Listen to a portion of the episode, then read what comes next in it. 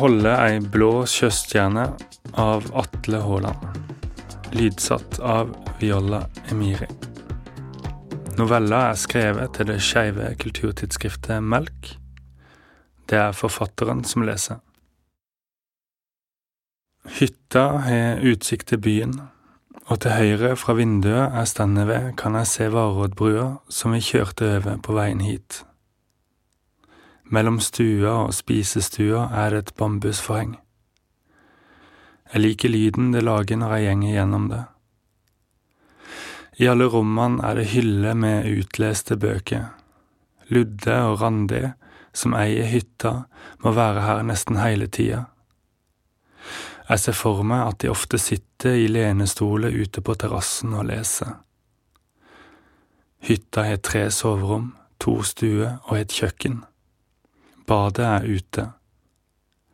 Utedoen ligger et stykke bak hytta. I ei krokete furu foran henger campingdusjen. De fleste furuene her er korte og forma av vinden. De er enkle å klatre i. Den første greina sitter lavere nede på stammen enn hjemme.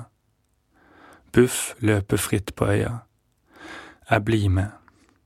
Blåbærene er allerede modne her, og i morgen kommer Kristoffer.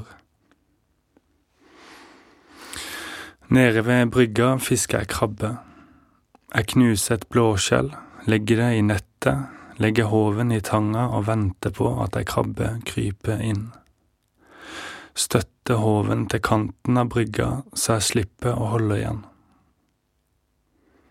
Ligger på magen og ser ned i bunnen. En brannmanet driver mot land men er langt unna hoven. Brygga trykker mot brystet på en god måte. Ei krabbe kryper inn i nettet. Jeg te opp hoven, holder krabba i sidene med tommel og pekefinger sånn at den ikke kan klype meg. Jeg snur den og ser på det triangelforma skallet under. Det er bredt. Det er en hund. Jeg gjenger til den dype sida av brygga og kaster krabba uti. Den synker ned til bunnen, beina helt i ro helt til han lander. Da kryper han sidelengs inn i tanga igjen. Kristoffer kommer gående opp bakken til hytta. Han bærer en bag over skuldra, gjenger i shorts og har en hvit caps på hodet som holder håret på plass. Krøllene hans er helt ville noen ganger. Han sier hei før han går inn i hytta for å legge fra seg bagasjen. En fotballbag. Han har fått fotballegge.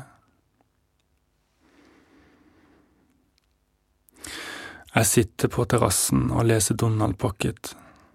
På radioen forteller nyhetsoppleseren at det er funnet sprengstoff under bilen til forsvarsministerens sekretær. Pappa skrur opp volumet. Ludde kommer og spør om ikke vi skal bade. Kristoffer sier ja og roper på Buff mens han gjenger ned til brygga. Jeg synes saltvann svir på huden eller klør, men bli med. Nede på brygga vrenger Kristoffer av seg T-skjorta. Han er tynn, men har tydelige muskler, særlig magemusklene, og han har fått dun på haka sjøl om vi er like gamle. Han stuper uti fra brygga uten å se seg etter brannmanetet. Han svømmer utover, under vann, til store tak. Han svømmer raskt, som en makrell. Etter en bombe fra brygga. Det spruter og ludder ler. Sjøvannet er kjølig, det er deilig. Jeg tar noen tak ut før jeg svømmer inn igjen. Buff snuser rundt på land. Hun liker ikke å bade. Kristoffer er svømt langt ut og flyter på ryggen med armene og beina spredt utover som ei stjerne. Ludde skryter av hvor god han er til å svømme. Huden min har tørka av sola da han kommer inn til land igjen. Jeg ser på kroppen hans da han klatrer opp stigen fra brygga. Han smiler, men er stille. Kristoffer sier lite. Vi sover på samme rom, men snakker ikke så mye med hverandre som da vi gikk på barneskolen. Ligger i hver vår seng og leser Donald Pocket. Han gjenger på ungdomsskole på Søm.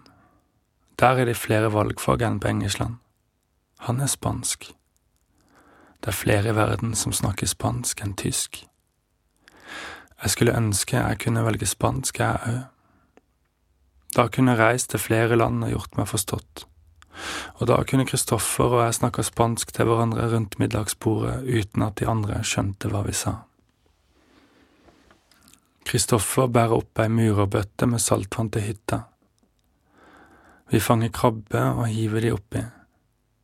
Vi legger oppi steiner og litt tang som de kan gjemme seg i, snegler som de kan spise. Kristoffer har funnet ei blå sjøstjerne som han også legger oppi. Jeg liker å la den ligge i hånda mi. Det kribler. Sugekoppene under de fem armene klamrer seg fast i hånda mi. Jeg stryker på den røde huden med tommelen og tenker at det er litt som å holde i hånda til en kjæreste. Du har hørt Å holde ei blå sjøstjerne av Atle Haaland, lydsatt av Viola Emiri. For mer informasjon om tidsskriftet Melk, gå inn på www.melkmag.com.